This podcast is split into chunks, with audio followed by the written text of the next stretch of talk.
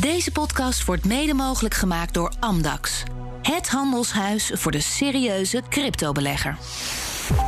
Hartelijk welkom bij de Cryptocast nummer 223. Het tweede deel, podcastgedeelte. In het eerste deel hebben we het gehad over het laatste crypto-nieuws. Dat vind je als de vorige aflevering 223a. En nu gaan we terugblikken op twee jaar crypto-toezicht van de Nederlandse Bank. Met uh, als gast Simon Lelyveld, expert op het gebied van financiële regelgeving. Hartelijk welkom. Dankjewel. En als co-host uh, Paul Buitenk, managing director bij Holland Gold. Hoi Paul. Goed, voor we beginnen nog even dit. De cryptomarkt professionaliseert. Veel particuliere, zakelijke en institutionele beleggers nemen nu cryptovaluta op in hun portfolio. En toch wordt het cryptodomein vaak nog gezien als een anoniem online gebeuren. Voor Amdax is het juist volkomen persoonlijk. Cryptovaluta opslaan, verhandelen of het beheer van je cryptovermogen volledig uit handen geven. Amdax is er voor de serieuze cryptobelegger die zijn portefeuille wil onderbrengen bij een veilige professionele partij. En namens de redactie van de Cryptocast nog even dit. Als je graag naar ons luistert, vergeet dan niet je te abonneren. Dan ben je elke week direct op de hoogte van de nieuwste aflevering. Goed, Simon, we gaan terugblikken op uh, twee jaar toezicht. En voor de luisteraars die niet alles hebben meegekregen... in Europa werd de AML D5-richtlijn opgesteld. Uh, een Europese richtlijn waaraan de uh, lokale wetgeving in de lidstaten moet voldoen. Um, wat is er toen gebeurd?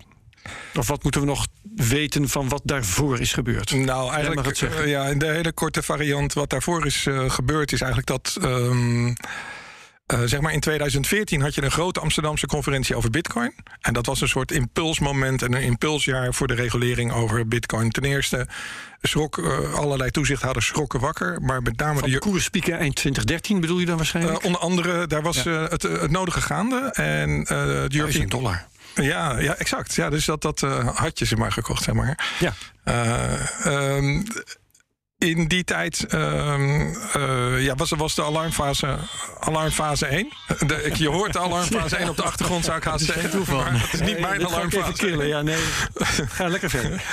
um, maar alarmfase 1 was daar en de European Banking Authority was er snel bij om te zeggen... nou, dat bitcoin, dat vinden we echt super... Uh, belangrijk om daar iets, iets van te vinden. Dus, laten we, uh, dus daar is eigenlijk de, de basis gelegd in 2014 voor hoe het moet met Bitcoin. Namelijk in een eerste fase gaan we alle banken ontmoedigen iets met Bitcoin te doen, alle financiële instellingen.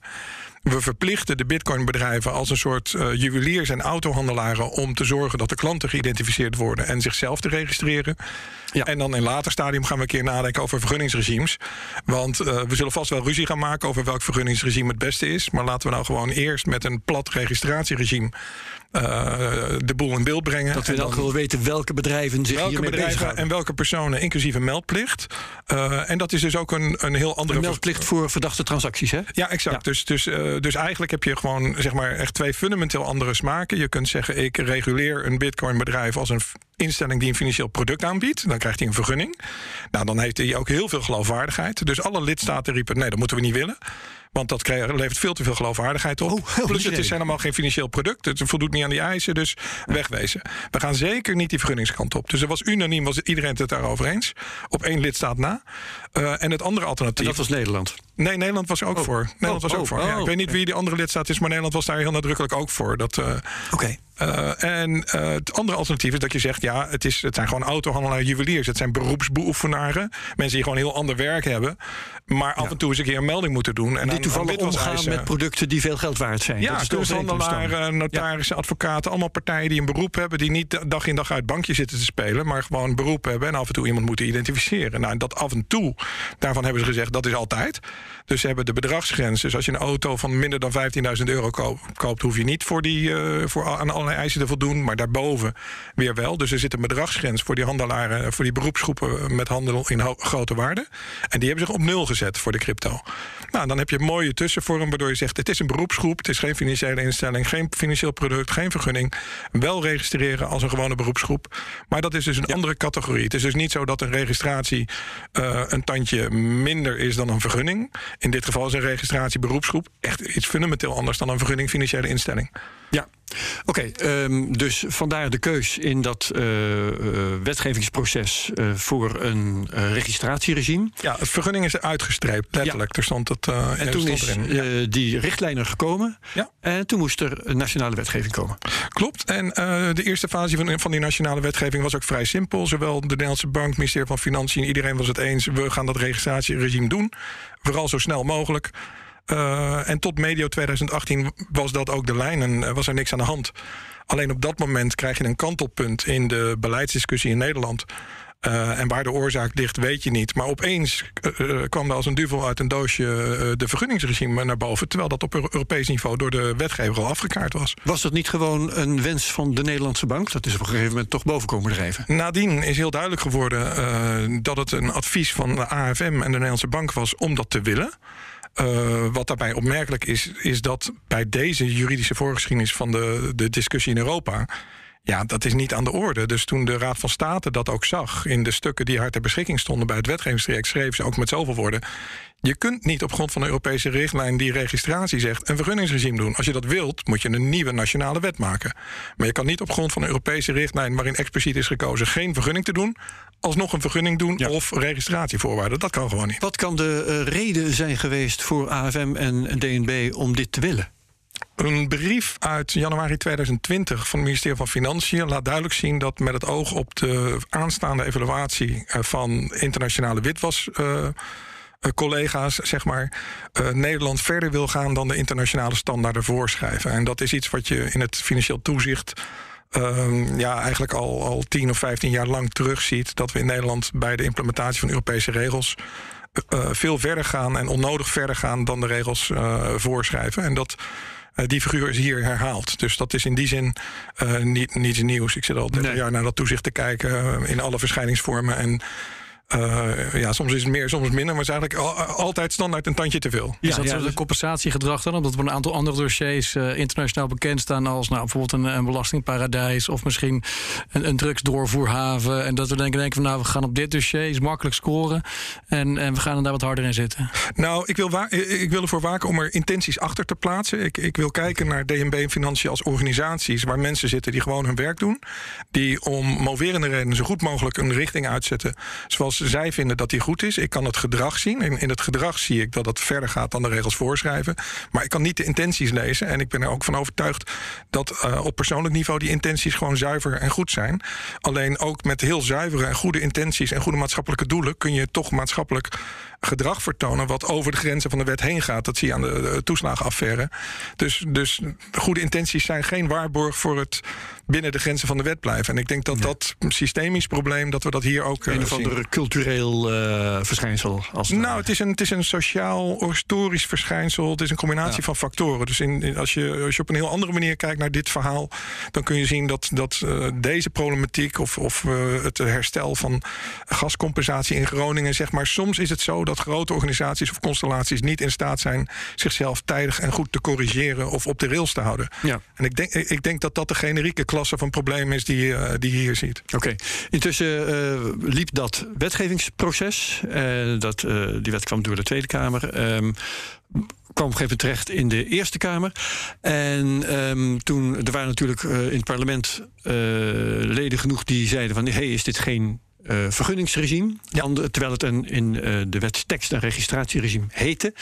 En in de Eerste Kamer heeft minister eh, Hoekstra daar het volgende over gezegd. Het is gewoon anders of je een registratieplicht hebt of dat je een vergunningsplicht hebt. Want ja, registreren doe je en een, een, een, een vergunning wordt je verleend. Dat is gewoon echt wat, uh, wat anders en de lat ligt daar ook op een ander niveau. Waarmee Hoekstra dus uh, duidelijk maakte, jongens, het is echt een registratie. En ik herinner me ook dat jij vervolgens, uh, ook bij ons, zei van de kou is nu uit de lucht en wij vertrouwen op die minister. Was dat niet ontzettend naïef? Uh, nee, want als je in de compliance en regelgevingsbusiness zit, dan kun je niet, als je aanname is dat de minister liegt, dan kun je elke wet weggooien. Ja. Je kunt niet aannemen dat de minister liegt. De minister heeft daar een instructie gegeven aan de gebonden toezichthouder. Um, en dat is het punt, ja. De, hem werd ook letterlijk de samenvatting voorgelezen van een juridisch uh, analyserapport in de Eerste Kamer, waarin uitgelegd werd hoe en waarom die wet veel te ver ging. En hij heeft dat herhaaldelijk ontkracht. Nou, dan is, dan is op Europees niveau dus het woordje vergunning geschrapt. En op nationaal niveau was er dan wel ruis op de lijn ten aanzien van is het nou een vergunning of niet of een registratie? Of is het nou toch een, het, het labeltje registratie met feitelijk de eisen van een vergunning? Ja. Maar als de minister van Financiën daar een toelichting op geeft en zegt: zo is het echt niet bedoeld, ja, dan heb je gewoon een gebonden uh, juridische ruimte gecreëerd. En dat kan heel naïef zijn, maar dat is wel hoe de samenleving en de democratie werkt. En daar zit ik dan heel strak in. En iedereen die daar dan vervolgens buiten gaat en niet luistert naar de opdracht van de minister, ja, die, die, die spreek ik daarop aan. En dat is, dat is eigenlijk uh, vanaf dat punt moet je ten eerste zeggen: oké, okay, we gaan ervan uit dat, dat men deze okay. regel oppakt. Ja. En daarna moet je het goed in de gaten houden. Um, begrijp ik nou uh, dat je eigenlijk zegt... de minister heeft dat zo gezegd. Je kunt niet aannemen dat de minister liegt. En dan is ook de consequentie van, van, die, uh, van die redenering... dat als het dan in de praktijk toch een vergunningsregime blijkt te zijn... dan ligt dat aan de toezichthouder. Is dat wat je zegt? De toezichthouder is ook gebonden zich te houden aan de uh, richting die de minister geeft. Ja. En, die, en die, uh, als, als wij hier concluderen, uh, laten we daar even op, op vooruitlopen dat er een, uh, in feite een vergunningsregime is ontstaan, dan is dat dus de schuld van de toezichthouder die zich niet houdt aan de instructies van de minister. Ja, schuld, dat plaatst het weer in het persoonlijke. Ik constateer zeg maar dat de toezichthouder zich niet aan de opdracht van de regelgever heeft gehouden. Ja. Terwijl de toezichthouder daartoe een wettelijke verplichting heeft.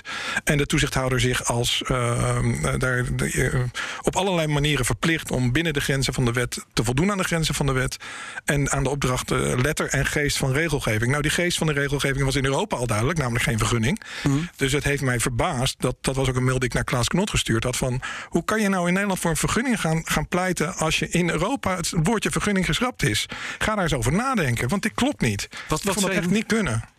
Wat zijn op dit moment nou de, de omstandigheden waardoor jij zegt... we hebben te maken met een vergunningsregime? Oké, okay, nou er, zijn een, een, er is een uh, vijftal dingen waar je naar kan kijken om achteraf te constateren: was het een registratie of een vergunning? En de eerste, heel simpel, is de termijn. In de wet stond een termijn van twee maanden voor een registratie. En je moet je voorstellen, het is een stempelprocedure. Dat is precies wat ja. Hoestra uitlegt. Je zegt: ik ben een bedrijf, ik ga in crypto handelen. Uh, kun je me even noteren? Geef mij een stempel. en het enige, de enige tijdlijn waar je kritisch. Uh, dus je hebt een verzoek wat je moet doen. Nou, dat kun je meer of minder uitgebreid maken. Daar kun je over discussiëren. Maar goed, je doet een verzoek. De bestuurders moeten getoetst worden. Dat was het deel wat een tijdspanne opleverde. Dus twee maanden tijd zou kosten. Dus er moest binnen twee maanden alle bestuurders getoetst worden. Uh, en dat was het. Uh, dus je deelt een, uh, ja, een soort uh, kentekenbewijs uit. Uh, ja. Nadat je checkt of de bestuurder niet uh, ooit uh, beboet is voor rijden door rood licht. Dat is, dat is de, de samenvatting. Dus die termijn is twee maanden. Als je, als je kijkt naar de eerste lichting van 14 bedrijven, daar duurde die termijn vijf maanden. En de tweede lichting van 16 bedrijven, daar heeft, is de termijn gemiddeld 13 maanden geweest. Zo, ja. Dus de registratietermijn waar DNB zich aan te houden heeft, is twee maanden. Heeft ze nooit gehaald. Um, er is één partij geweest die uh, DNB daar ook op aangesproken heeft, die DNB in gebreken heeft gesteld. En uiteindelijk heeft DNB een dwangsom of een uh, dwangsom verbeurd uh, van een, een, paar tientjes. Van een paar maar, tientjes. Maar het punt juridisch is dat erkend is dat DNB dus zelf ja. artikel 23j over die termijn overtreden heeft. De, en die, die partij was Pitonic, neem ik aan. Ja. Ja, ja, ja oké. Okay. Goed, um, dat was dus één uh, factor van uh, waardoor je zegt vergunning, uh, maar er ja. waren er meer. Ja, die reden dat die termijn zo lang is, is omdat tijdens die termijn allerlei inhoudelijke vragen werden gesteld, alsof het een aanvraagprocedure werd. Nou, dan kun je daarover discussiëren van was dat wel zo, maar je kunt op publieke websites zien dat de eis is gesteld dat ze een systematische risicoanalyse moeten uitvoeren alsof ze trustkantoren zijn. Nou, dat is een vergunningseis. Dat is niet de proportionele risicoanalyse uit de WWFT, dus die kun je constateren. Uh, maar je kon ook zien dat, dat in september 2020, ruim nadat DNB zelf eigenlijk al die uh, aanvragen had moeten hebben behandeld, een nieuwe eis de groep in werd gegooid, namelijk een controle-eis, uh, screenshots, gebaseerd zogenaamd op de sanctiewet. Voor klanten van cryptobedrijven?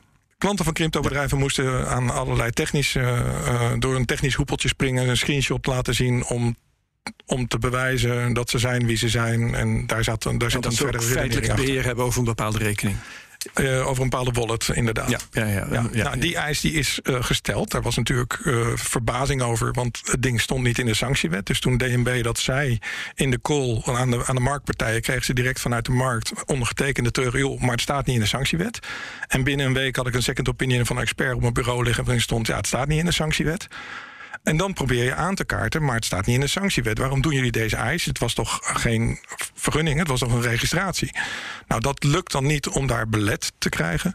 En dan kom je in een model dat, uh, dat je het toch moet doen, want die overgangstermijn die verloopt. En uh, die 14 bedrijven hebben allemaal zijn meebewogen in de eis van DNB. En weer een daarvan is vervolgens naar de rechter gegaan en heeft gezegd: ja, dit stond niet in de wet.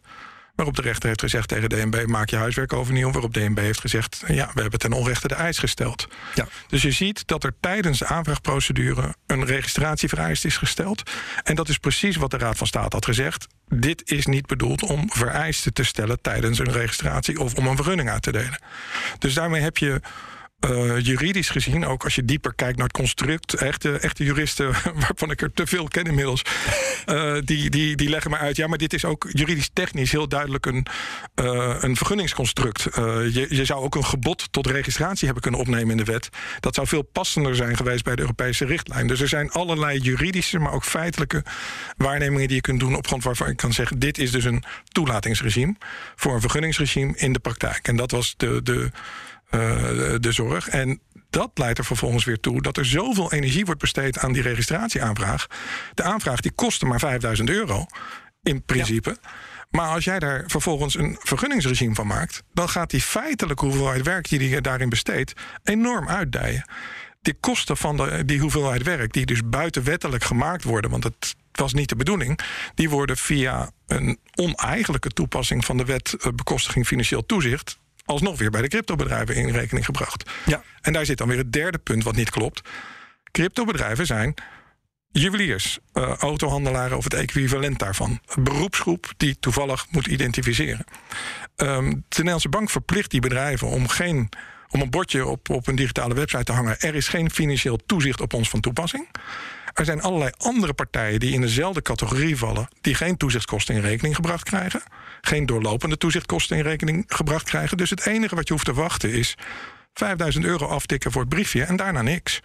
En in de toelichting op de wet, de totstandkoming van de wet, stond ook niet dat er doorlopende toezichtkosten zou komen met een rekensom. Dat staat bij andere wetten staat dat wel keurig netjes beschreven. Consultatie over het besluit kosten toezicht in 2020 stonden de crypto niet genoemd. Dus het enige wat je hoefde te verwachten als bedrijf qua kosten is 5000 euro voor een registratie. Maar wat er feitelijk gebeurde, was dat DNB DNB notabene, niet het ministerie van Financiën, DNB, die schreef opeens een mail. Oh ja, we gaan ook nog tijdens die registratie pak een beetje 20.000 euro aftikken voor, voor toezicht tijdens de registratie.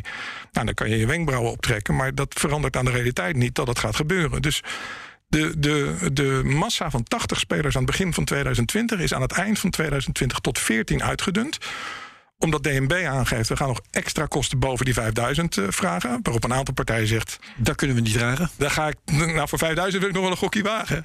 maar voor 25.000 wordt het een beetje te veel. Dan uh, zoek ik mijn hel elders. Ja. En vervolgens bleek dat die, uh, de, de, aanvraagformulier was extreem dik. Bijna vergelijkbaar met dat van een aanvraagformulier voor een, voor een wisselinstelling. ja, je kon aan alles zien dat, dat DNB die, dat voornemen van een, een vergunningstoetsing niet zou loslaten. En dat betekende een hele hoop uh, vertrekkende partijen het uitdunnen van die.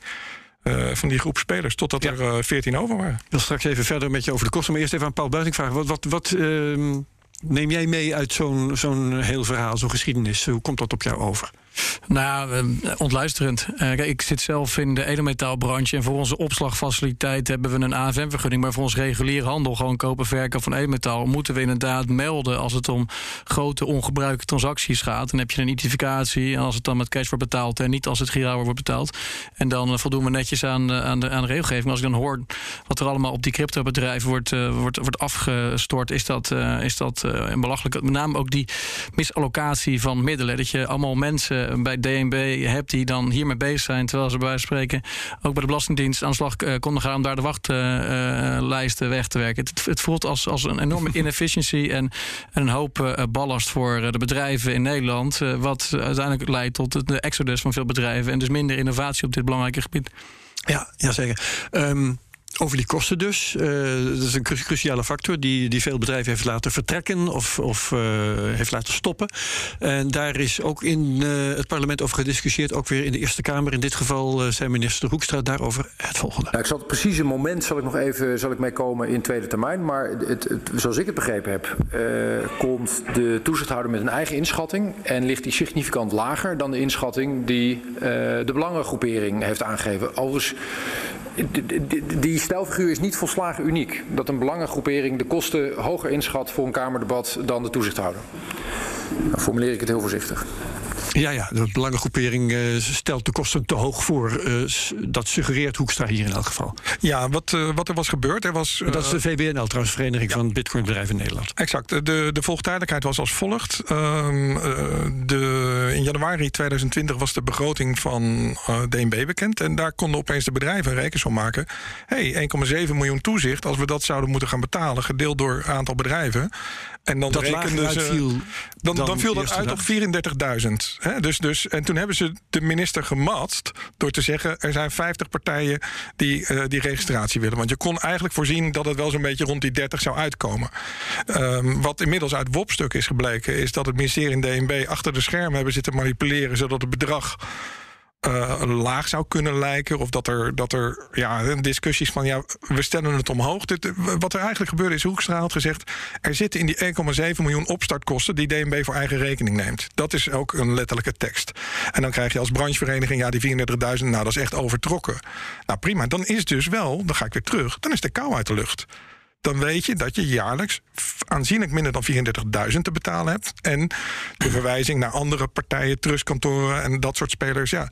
Dus, dus daar, daar heb je een richtsnoer. Nou ja, dan is het wel teleurstellend om twee dagen daarna een e-mail van DNB te ontvangen, achter de schermen, met de strekking: Goed nieuws, die 1,7 miljoen gaat hem toch worden. Ja, dan vlucht dus iedereen die nog twijfelde over de vraag of hij een aanvraag wilde doen. Die weet dan, die weet dan hoe laat het is. Die kan dan zeggen, nou, dat is vrij duidelijk. Want zelfs als, als er uh, eh, 50 zich registreren, dan zit je dus aan, aan, aan die 34.000. Of als het er iets meer zijn. Je, je weet dat je voor een heel groot bedrag aan de lat staat. En dat dat eigenlijk niet de bedoeling was. Want het Europees Parlement had in 2016 nog met zoveel woorden gezegd. Geen, geen vergunning, wel een registratie. En let op dat we deze partijen niet onnodig belasten met kosten. Dus dat, dat, dat is zo duidelijk. De Tweede Kamer had het ook gezegd. Een motie ingediend. Let op de administratieve kosten. We willen na twee jaar een evaluatie van de wet. Want we zijn bezorgd dat hier een Nederlandse partij de markt uitdrukken door de hoge kosten. Nou, dan zegt Hoekstra niks aan de hand. Oh. Simon, hoe, hoe kijk jij, of wat weet je van de procedures in andere landen? Bijvoorbeeld uh, Binance, uh, die heeft in Frankrijk een, uh, een, registratie. Is dat ook een verkapt vergunningsregime geworden uiteindelijk? Heb, heb je daar weet van? Frankrijk heeft als een van de weinige lidstaten een duaal model gekozen. Die hebben gezegd, je kunt kiezen of je wil registreren... of een stapje hoger vergunning wil, maar dat kies je zelf als aanvrager. Maar dan krijg je waarschijnlijk ook meer rechten als je voor de vergunning gaat. Dus nee, je krijgt niet meer rechten, maar het heet dan wel een vergunning. Want de, de bevoegdheid onder deze richtlijn blijft beperkt tot anti-witwassen. Um, uh, ik zeg het even heel snel. Je, je kunt wel, je krijgt. Het ligt even aan het type, de, de modus van de vergunning. Dus je krijgt daar wel uh, meer rechten in Frankrijk mee moet ik zeggen. Maar niet in Europa. Het is niet een geharmoniseerde vergunning zoals een bankaire vergunning. Dus dat, dat is de. En misschien voor de geloofwaardigheid van zo'n partij is het goed als je dan voor de vergunningstype gaat in plaats van de registratietype. Zeker als je dan in Frankrijk uh, actief bent. Als we dat in Nederland hadden gedaan, dat zou ook een model zijn geweest. Dan was het een optionele vergunning. Dan hadden mensen kunnen kiezen voor registratie. Nou, dan ben je in twee maanden klaar. Maar je kan ook optioneel voor een vergunning kiezen. Dan weet je dat het wat langer kan duren. Dan hadden we, dan hadden we een heel elegante oplossing gehad. à la de Fransen. Dan hadden marktpartijen dat zelf kunnen kiezen. Ja. Dat, uh... intussen uh, hebben we een toezichthouder, de Nederlandse Bank, die heeft uh, zich uh, in één opzicht niet aan de wet gehouden. In een ander opzicht kosten uit de hoge hoed getoverd, waarvan eerst was toegezegd maar dat daar ze niet zich ook, zijn. ook niet aan de wet gehouden. Want de kostendiscussies in het financieel toezicht in Nederland die zijn nou echt zo oud als de weg naar Rome. Na de, na de financiële crisis is de, de 50-50 verdeling, namelijk de staat betaalt 50% van toezicht en de sector de rest, die is gekanteld naar 100% voor de sector en ja. nul voor, de, voor het publieke domein. Nou, dat, daar kun je analytisch al wat van vinden. Um, maar als je dan ook nog. Um, uh, en de, de figuur is het ministerie van Financiën is de bedenker van het verhaal. En DNB is de uitvoerder. Nou, uh, het is te doen gebruikelijk. En DNB in alle rechtszaken die er gevoerd zijn over kostentoezicht... zegt DNB, wij zijn slechts de uitvoerder van de regeling. Je moet niet bij ons zijn als het te veel is. Ja. Maar voor de cryptosector is DNB zelfstandig gaan communiceren voor de troepen uit. Niet namens financiën, maar gewoon als DNB. Als, dan gaat dus de uitvoerder van de regeling met de marktpartij allemaal dingen roepen. Oh, die 1,7 wordt in rekening gebracht. Dat, dat alles voordat er een formele consultatie vanuit financiën gedaan is. De formele regeling door financiën is te laat vastgesteld. Het was niet financiën die het bedacht, maar DNB. Het was DNB die aan de bal was. Daar, dus daar is DNB als. Want ze zegt. Ze, ze duikt iedere keer elke discussie voor kosten met de nee, ik ben de uitvoerder van de regeling. Je moet niet bij mij zijn, maar bij financiën zijn. Ja, als je dat doet, dan moet je dat ook echt zijn. En, financiën niet, aan de bal terug. Hè? Ja, financiën verwijst dan weer terug. Dus dat spel krijg je. Dus daar, de toezichthouder zijn. daar gaat het ook niet helemaal goed. Maar mijn vraag daarover is: uh, een toezichthouder die zich niet aan de wet houdt, um, zijn daar geen consequenties voor? Um, nou, dan ga je uh, analytisch naar een. Uh, ander niveau. Uh, het ministerie van Financiën is degene die toezicht houdt op hoe de Nederlandse bank haar toezicht houdt. En de Algemene Rekenkamer houdt weer toezicht op de manier waarop de, Nederlandse de ministerie van Financiën kijkt of uh, de Nederlandse bank het goed doet. Ja. Nou, als je kijkt naar het model waarin het ministerie van Financiën met DNB omgaat, dan is het toezichtsbeleid uh, toezicht op afstand. En als je dat dikke stuk doorleest, dan staat er: wij vertrouwen op de interne governance van DNB. We gaan ervan uit dat als er dingen gebeuren, dat DNB zichzelf corrigeert. Met de Raad van Toezicht en alles wat erbij hoort. Dus dat is wel zo'n beetje wat we doen. De Algemene Rekenkamer heeft al sinds 2008 uh, loopt hij te, te pushen richting financiën van. Want ten eerste, financiën was het allerlaatste ministerie van Nederland dat zo'n beleid formuleerde. Die waren echt tien jaar te laat daarmee zo'n beetje. En vervolgens uh, zegt de Algemene Rekenkamer: jullie maken er te weinig werk van. Dit is een nat washandje wat je hier zit te doen. Dit, dit, dit schiet niet op op deze manier. Dat is een herhaalde kritiek van de Algemene Rekenkamer op de manier waarop de uh, Nederlandse bank beoordeeld wordt door het ministerie van Financiën. Dus daar, uh, daar zitten, laten we zeggen, uh, onvolkomenheden. Um, en mogelijk een aantal feedbacklussen die ja, nou, minder sterk zijn. In ieder geval de Algemene Rekenkamer heeft daar al heel, heel kritische ja. noten bij Maar er is, er is, dus niet zoiets als een toezichthouder die de wet overtreedt... wordt het toezicht ontnomen? Dat zou ik persoonlijk uh, Nee, de, de, politieke structuur en verantwoording loopt via de ministeriële verantwoordelijkheid. Ja. En daarnaast is het natuurlijk gewoon de rechter. Ja. Maar het is een beetje vervelend als de toezichthouder zich op het standpunt zet... bij elk wisselwasje, ja, maar je gaat maar naar de rechter om je gelijk te halen. En dat is een beetje het model aan het worden. En je zou willen dat een toezichthouder zegt... Uh, ja, uh, verkeerd gezien, verkeerd gezien. We, we, we hebben fout gemaakt. Kan gebeuren. Echt, dat, dat zou gewoon heel logisch zijn en, en volwassen, omdat je dan gewoon het model waarin je erkent dat je fouten maakt. Ik bedoel, ze hoeven niet bang te zijn voor aansprakelijkheid. Want is via, via weer andere, andere wetten is al die aansprakelijkheid weg, weggekocht. Afhankelijk van uh, onder welke wet je valt. Want onder de WWFT is de aansprakelijkheid nog steeds uh, wel daar. Maar onder de WFT niet. Maar ze hoeven niet bang te zijn. Ze kunnen best gewoon zeggen: er is een toezicht fout gemaakt. We hebben het niet handig gedaan. We doen het anders. En een correctiemechaniek doen. Maar je ziet eigenlijk ja. dat. Um, en dat is een trend die je in toezichtland de afgelopen 15 jaar ziet. Um, we hebben een soort, je hebt twee soorten toezicht. Je kunt toezicht houden op de letter van de wet en blijven netjes binnen de spelregels. Of je zegt ja, maar ik hou toezicht op de maatschappelijke trend en belangrijke dingen die ik belangrijk vind. En dan ga ik af en toe wel over die grenzen heen. Maar dat is bewust, want dat is beter voor de samenleving. En waarom denk jij dat ze niet uh, die uh, flexibiliteit of, of die, um, die wens hebben om inderdaad af en toe fouten toe te geven? Is dat gewoon bang voor reputatieschade? Of zijn ze bang dat ze dan de toezichthouder te zwak maken en misschien in de toekomst uh, kwetsbaar. te kwetsbaar? Ja. is het dat daarom dat ze die harde houding aannemen? Nou, ik denk dat we niet moeten onderschatten hoe ontzettend moeilijk het vak van toezicht is. Als eerste. Uh, kijk, de, de mediadynamiek is bizar. Dus je krijgt de financiële crisis, iedereen stuit het over je heen. De AFM had een bepaalde benadering om iets meer naar de publieke waarde te kijken. Het verwijt aan DNB was dat ze te veel in een juridische groef bleven hangen. Dus dat ze te veel vanuit die rechtmatigheid redeneerden.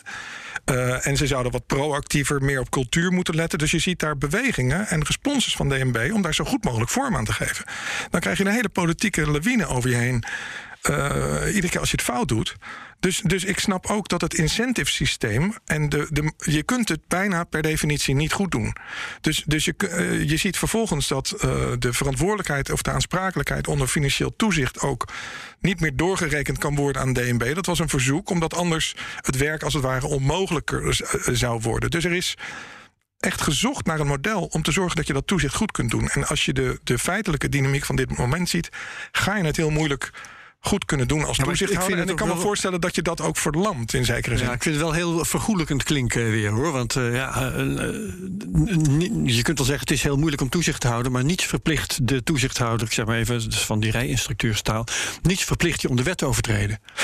Nee, ik ben zelf ook van mening dat ze de, wet, de letter en de geest van de wet hebben overtreden. En ik heb ze daar ook op aangesproken, op een zakelijke manier. Want ik vind dat, dat het niet kan. En ik ben zelf eh, misschien van te veel van de oude DNB-school. Ik ben echt vanuit een legalistisch juridische kijkwijze... heb ik eh, destijds bij DNB zelf het toezichtvak geleerd. Dus ik, ik steek nog een beetje in die oude groef.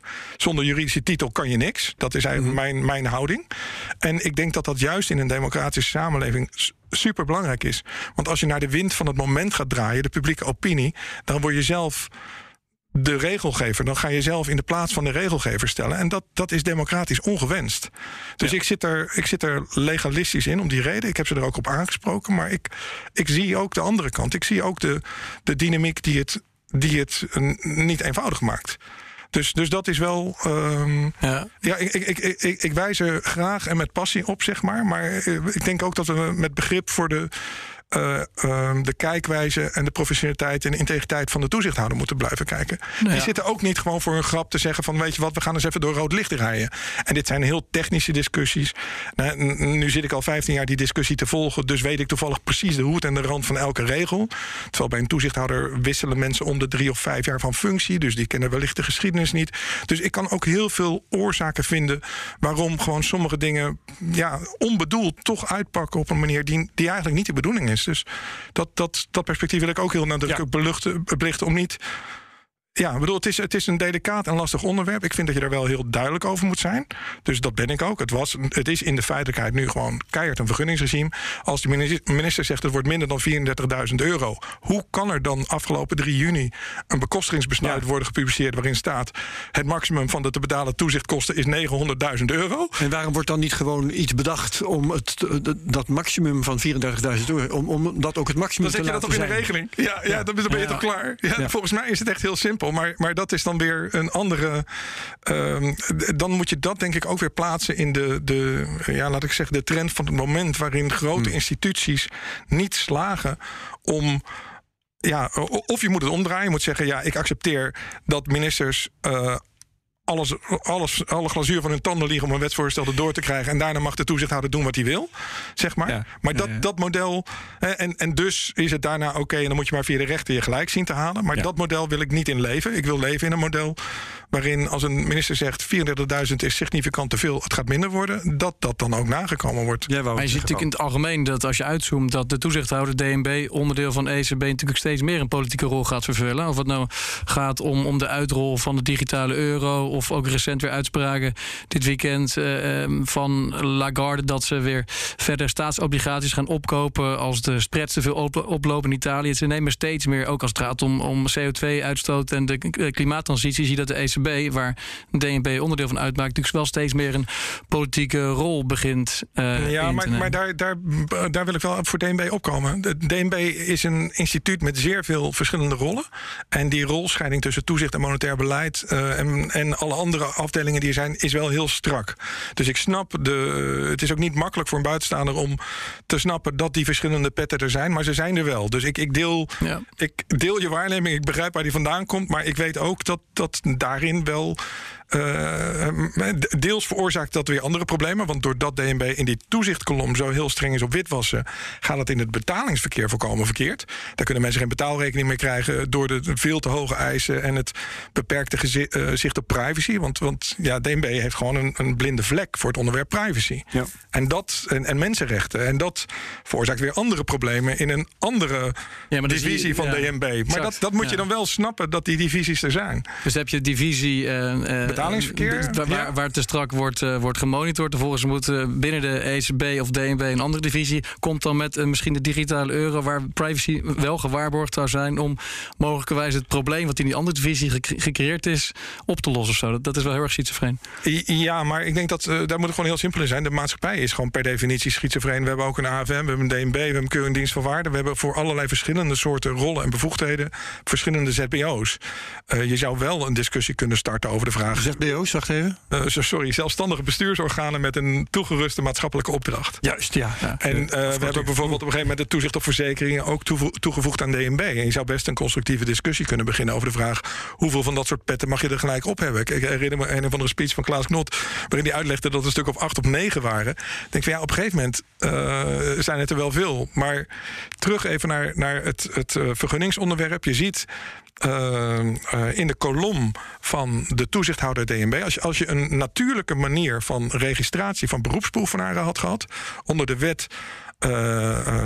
Onder de WWFT zou dat dan uit, uitvoering Bureau Financieel Toezicht zijn. Want in de memorie van toelichting destijds, toen de witwaswet werd aangenomen, werd aan Wouter Bos de vraag gesteld. Uh, maar zou je dat niet direct ook al die juweliers, die autohandelaar ook door DNB laten doen? Nee, zei hij, dat is iets heel anders. Dat is een ander vak, dat is een ander ding. Dat zijn ook geen financiële instellingen. Nee, dat moet je allemaal in één hand houden. iemand die beroepsgroepen doet, moet voor beroepsgroepen WWFT doen. En wie het voor financiële instellingen doet, moet voor financiële instellingen doen. Dus dat, dat is de wetsgeschiedenis. Maar ook hier weer geldt, ja, die moet je meegemaakt hebben om hem nog te herinneren. Ja. En dan valt het je op als opeens DNB op de mat uh, wordt neergezet, gepositioneerd als WWFT-toezichthouder op een niet-financiële instelling. Ja, dan, dan, dan begint het. Dan, dan, ja, dan, dan, dan zie je het mogelijk risico. Daar is door juristen op gewezen. Dan loop je het risico dat je dus eigenlijk gewoon als een betaalinstelling wordt behandeld. En je ziet dus ook de kosten van het toezicht. Die gaan die spijkerhard uh, over. Het wordt meer dan trustkantoren. Uh, bijna meer dan betaalinstellingen. Uh, vergelijkbaar met pensioenfondsen. Dus, dus de, de, de cryptospelers staan per instelling. Ehm, ja, termijn, aard van de eisen, de niveau van kosten, de onterechte toepassing van de wet bekostiging financieel toezicht. Want er wordt geen financieel toezicht op zich gehouden. Dat bordje moet je op je deur hangen. En je krijgt wel de kosten in rekening. Dus daar, daar kloppen een aantal dingen niet. En dat gaat dan weer tot rechtszaken leiden. En die gaan dan uiteindelijk tot een, een oordeel leiden. Ja, want, want is, is dit allemaal nog een beetje recht te breien? Zeker, dus met, ja, ja, maar dat gaat even tijd nodig hebben. Um, rechtszaken meervoud heb je het erover? Ja, ja want er lopen er al een aantal? Zeker, de bezwaarprocedure voor heffingen 2020 die loopt. Die is in beroepsfase. Dan is de bezwaarprocedure voor heffingen 2021 loopt ook. En dat gaat gewoon over de kosten? Dat gaat over de kosten. En, uh, en daar is gevraagd van, uh, kunnen jullie dat even samenvoegen? Zullen we nou niet nog een keertje eerst bezwaar en dan in beroep gaan? Want we hebben elk, de... elk, jaar een aparte rechtszaak moet voeren met beroepsprocedure. Laten we ze nou bij elkaar voeren, want dat zit allemaal aan elkaar vast. Omdat de kosten die ze in 2020 niet hebben kunnen verhalen, in 2021 op, op de lat staan en, en weer doorgerekend worden. en dat heeft betrekking op de verlieslatende registratiekosten. Als je een registratie voor 5000 euro inkomsten hebt en voor 70.000 euro verspijkerd aan feitelijk toezicht dan is iedere registratie die je doet een verlieslatende activiteit die je dan in rekening ten onrechte in rekening gaat brengen. Dus daar ga je een hele hoop dingen krijgen. De kostenstructuur is zodanig dat je betaalt voor je eigen advocaat, maar ook voor DNB's advocaat. Dus oh als je notabene je eigen advocaat betaalt en DNB en je doet het verzoek, ik wil het graag voegen. Want die komt gewoon op het lijstje van de toezichtkosten. op de toezichtkosten. dus, dus echt elke, elke, elke beweging die er wordt gemaakt is, is voor eigen rekening. Dus, maar het is logisch dat, dat we proberen die, die kosten van dit bedrijf proberen die kosten terug te, uh, te, te, te, verhalen. Maar tegelijkertijd, het, klinkt ook een beetje alsof we de vorige oorlog aan het vechten zijn. Nee, nee, die, ga, die, gaat echt gewoon gewonnen worden. Dat is ja, oké, maar we hebben straks, straks heb je vonnissen en dan hebben we Mika. En dan hebben we alsnog waarschijnlijk weer een, een, een vergunning. Ja, je kunt, Mika Europese regelgeving die eraan zit. Ja, ja. je, kunt, uh, je kunt vragen hebben, laat ik het zo formuleren, bij Um, kijk, als ik objectief kijk naar wat is de letter en de geest van de regelgeving en hoe zitten we er twee jaar na dato in, dan is het antwoord overduidelijke vergunningsregime en daar is gewoon een aantal keren de wet overtreden. Ja. Dat zal de rechter ook constateren. In één geval heeft ze dat al gedaan. In een aantal gevallen zal het nog gebeuren. Nou, dat, dat, daar kun je dan op wachten. Wat je uh, qua strategie kan zien, is dat de beleidsmatige strategie is gekozen. We zetten er lekker een tandje veel op tegen de tijd. En dat werd ook tijdens die registratie soms ook gezegd. Ja, maar als jij een bezwaar gaat doen, dan duurt dat nog heel lang voordat het behandeld is. Dus dat spel van het duurt jou toch lekker veel te lang om uh, om, je, om je gelijk te halen. In de tussentijd moet je wel aan onze eisen voldoen. Dat is dan letterlijk ook wat er gezegd wordt. Ja, dat is natuurlijk een, een spel dat je kan spelen. En dan leg je toch weer eh, DNB redelijk nare intenties, uh, schrijf je eraan toe. Ja, maar dat is ook omdat ook, ook uh, als zodanig dat spel gespeeld is. Hm. En daar heb ik zelf bij gezeten. Ja. En daar ben ik ook behoorlijk uh, van ontregeld. Ik vind dat dat niet Ja. kan. Dus, Nou, de dus even niet begrip voor. eh, Nee, dat nee, het maar je kan niet. Je kan niet als, jij, als jij twee maanden registratietijd hebt. en ik zit de hele tijd te rappelleren.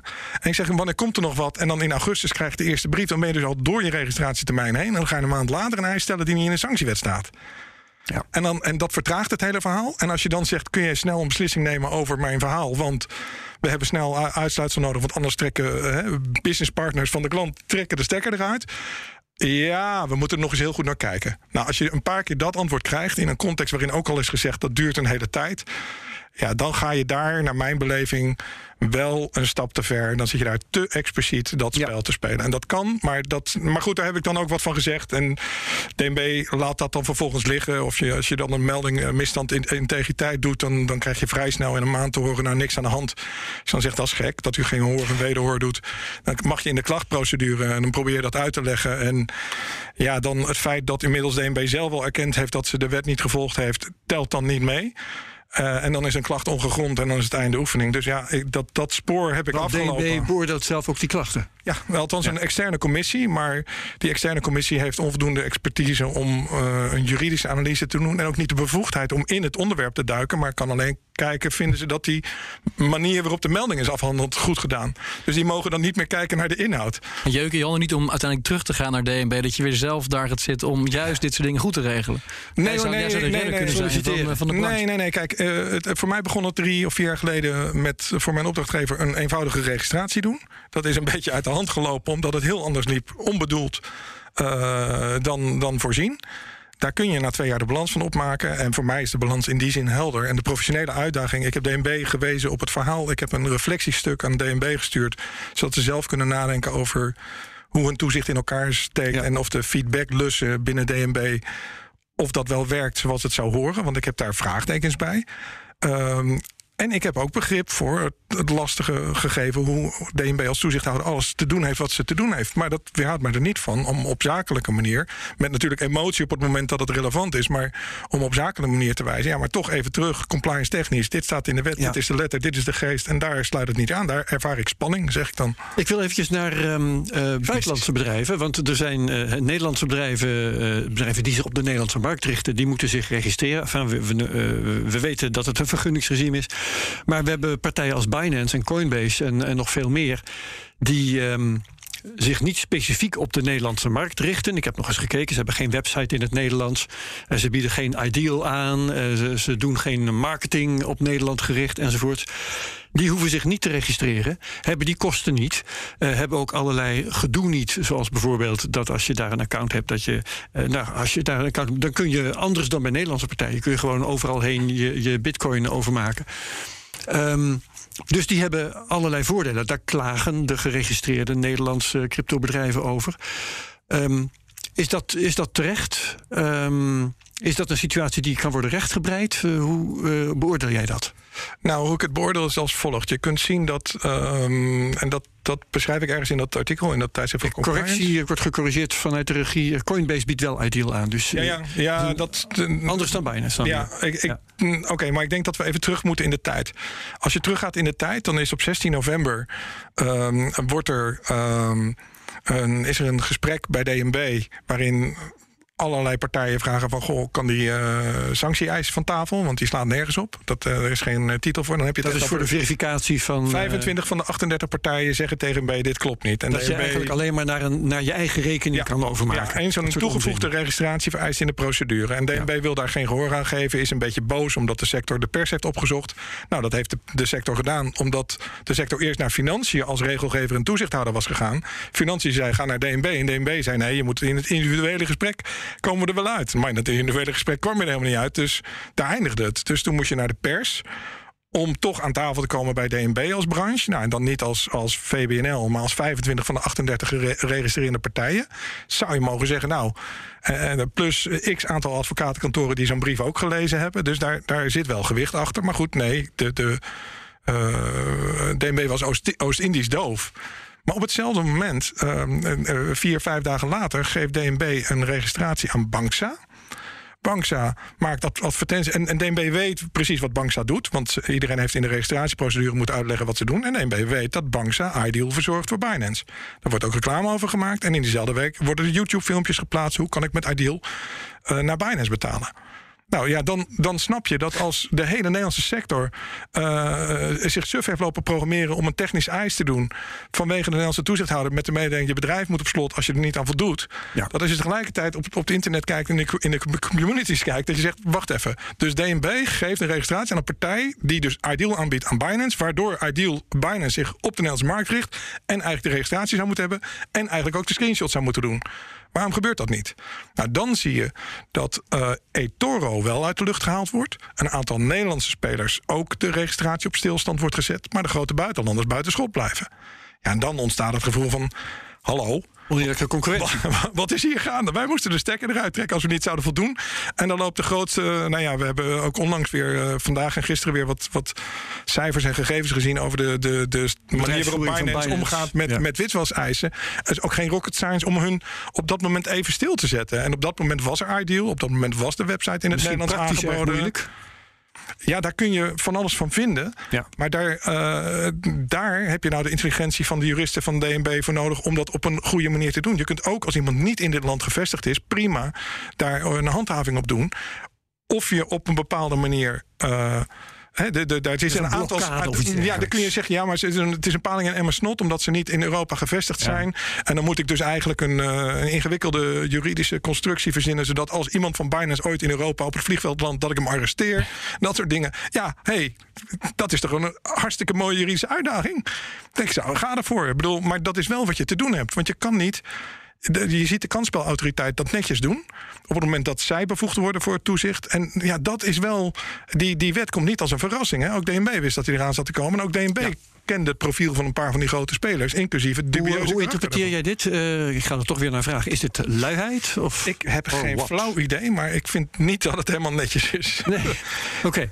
goed. Um, ja, en, en uh, uh, je kunt naar het effect kijken. Dus je kunt, ja. uh, laten we de beoordeling van intenties en oorzaken voor wat het is, maar het effect op de markt is gewoon dat je de Nederlandse sector diep in de modder trapt. Ja, want en de buitenlanders uh, en alle, alle denkt, ik ga wel naar uh, Binance. Of... Maar ook alle, alle QR-fraudes. Er gaan er vervolgens in het jaar daarna heb je voor tientallen miljoenen fraudes op allerlei mogelijke manieren. En een deel loopt via die spelers. Mm.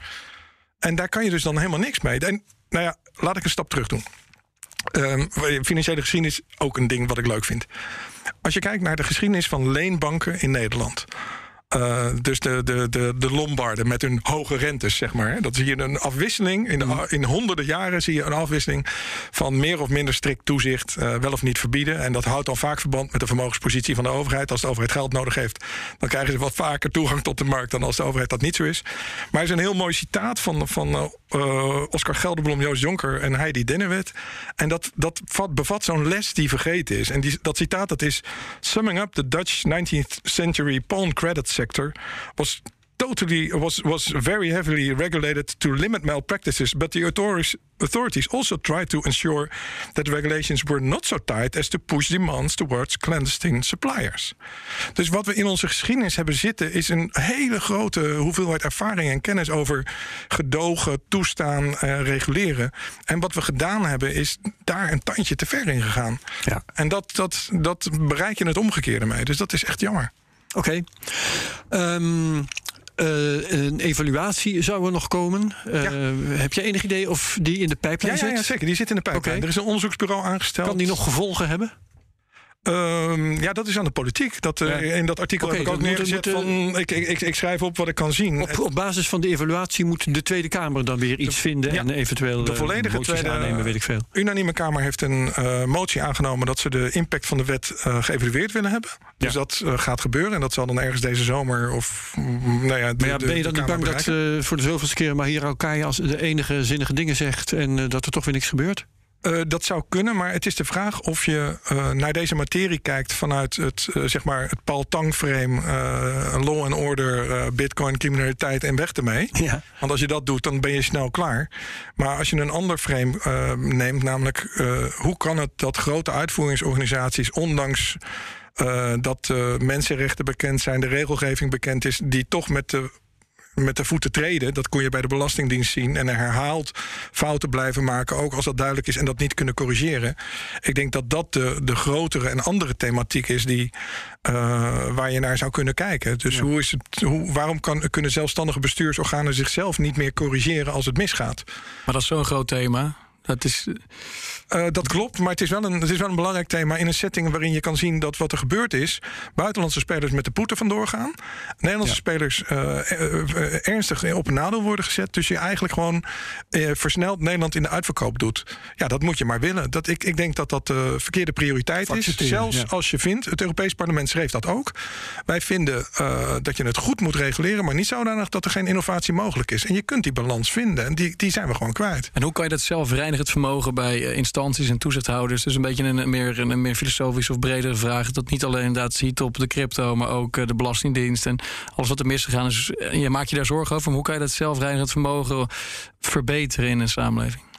Uh, nou, ik denk dat uh, wat je kon zien aan de Siri-case... er was een heel duidelijke juridische uitspraak van een rechter... die daar gewoon de, de belangrijke beginselen benoemt. Dat was in Rotterdam. Um, de, de overheid die, die allerlei soorten um, uh, wetgeving... wegens fraudebestrijding gebruikte... om allerlei bestanden aan elkaar te koppelen... en mensen achterna te zitten, zeg maar. Ja, en daar weer te discrimineren. En daar te discrimineren en bruggen te ver ging, zeg maar. Ja. en dan kon je zeggen, ja, maar het staat in de wet, dus we mogen het. Dat was de standaard redenering. En de rechter zei, ja, het kan nog in de wet staan... maar je hebt ook iets als de grondrechten van de mens. En daar is het eventjes in strijd mee. Dus, dus uh, denk daar even over na. Nou, ik denk dat die kanteling, dat die nodig is in de samenleving. Ik denk dat die niet gezien wordt. Maar dat die wel nu de actuele kanteling is. Je ziet de European Data Protection Board ook daar brieven over schrijven. Ook nu weer over de uh, anti-witwasregelgeving die eraan zit te komen. De Europese privacyautoriteit. Ja, de privacyautoriteit. Dus, dus daar, daar ligt een heel belangrijk thema. Dus ik, ik zet mijn uh, hoop op de uh, European Data Protection Board aan de ene kant.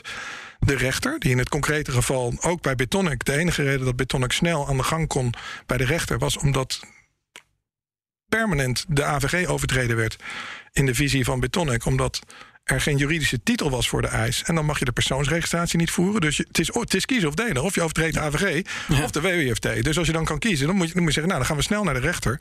En daar is vervolgens een correctie plaatsgevonden. Dus de rechter is een van de plekken waar dat kan gebeuren. Maar ideaal gesproken heb je een zelfcorrigerend vermogen. Maar daar... daar daar kan je, het enige wat je kan doen, en wat ik in mijn rol heb gedaan, is gezegd: Nou, ik denk dat het niet helemaal goed gaat.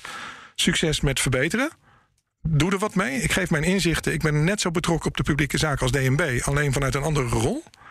Ja, en dan is het balletje echt aan politiek en aan rechters en aan andere partijen om daar, om daar cake van te bakken. Jij uh, gaat uh, hierna, ik weet niet of dat meteen is als je hier de studio verlaat, maar. nee, niet zo snel. Ik moet, nog, ik moet nog oude dossiers opruimen en dus, afmaken. Een sabbatical nemen, wou ik zeggen. Ja, um, waarom?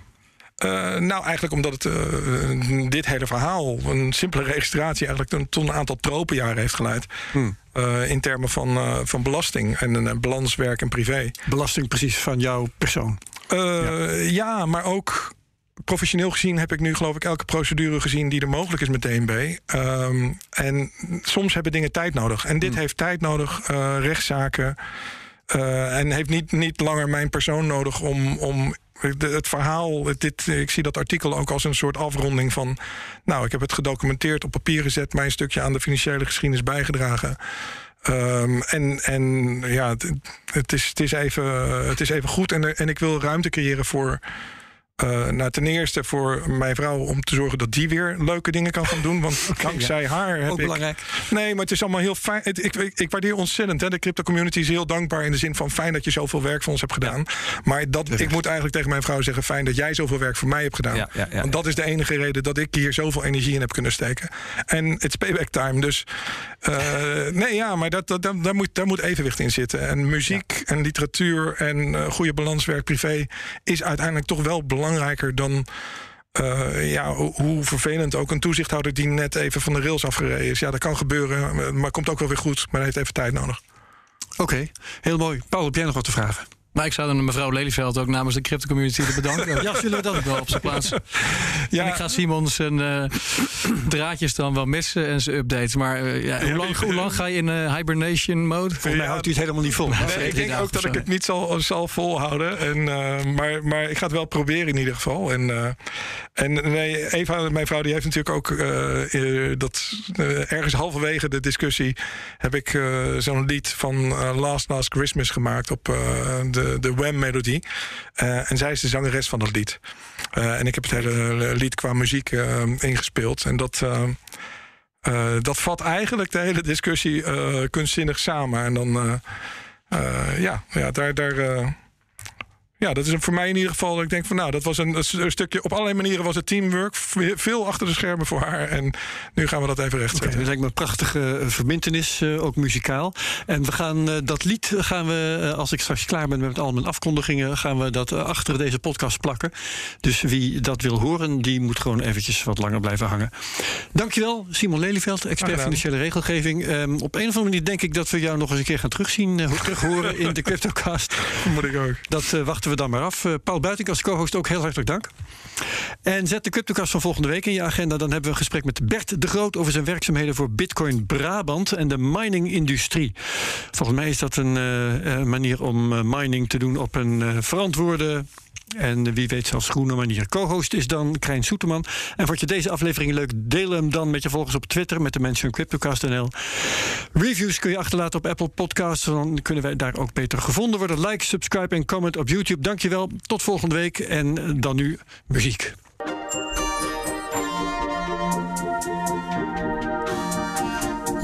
Last, Christmas, het leek nog oké. maar toen kwam maar die brief van streng DNB. Die vroeg aan jou, vergunning erbij. Dan wordt ons toezicht blij.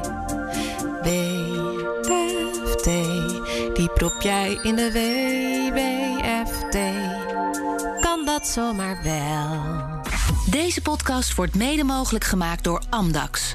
Het handelshuis voor de serieuze cryptobelegger.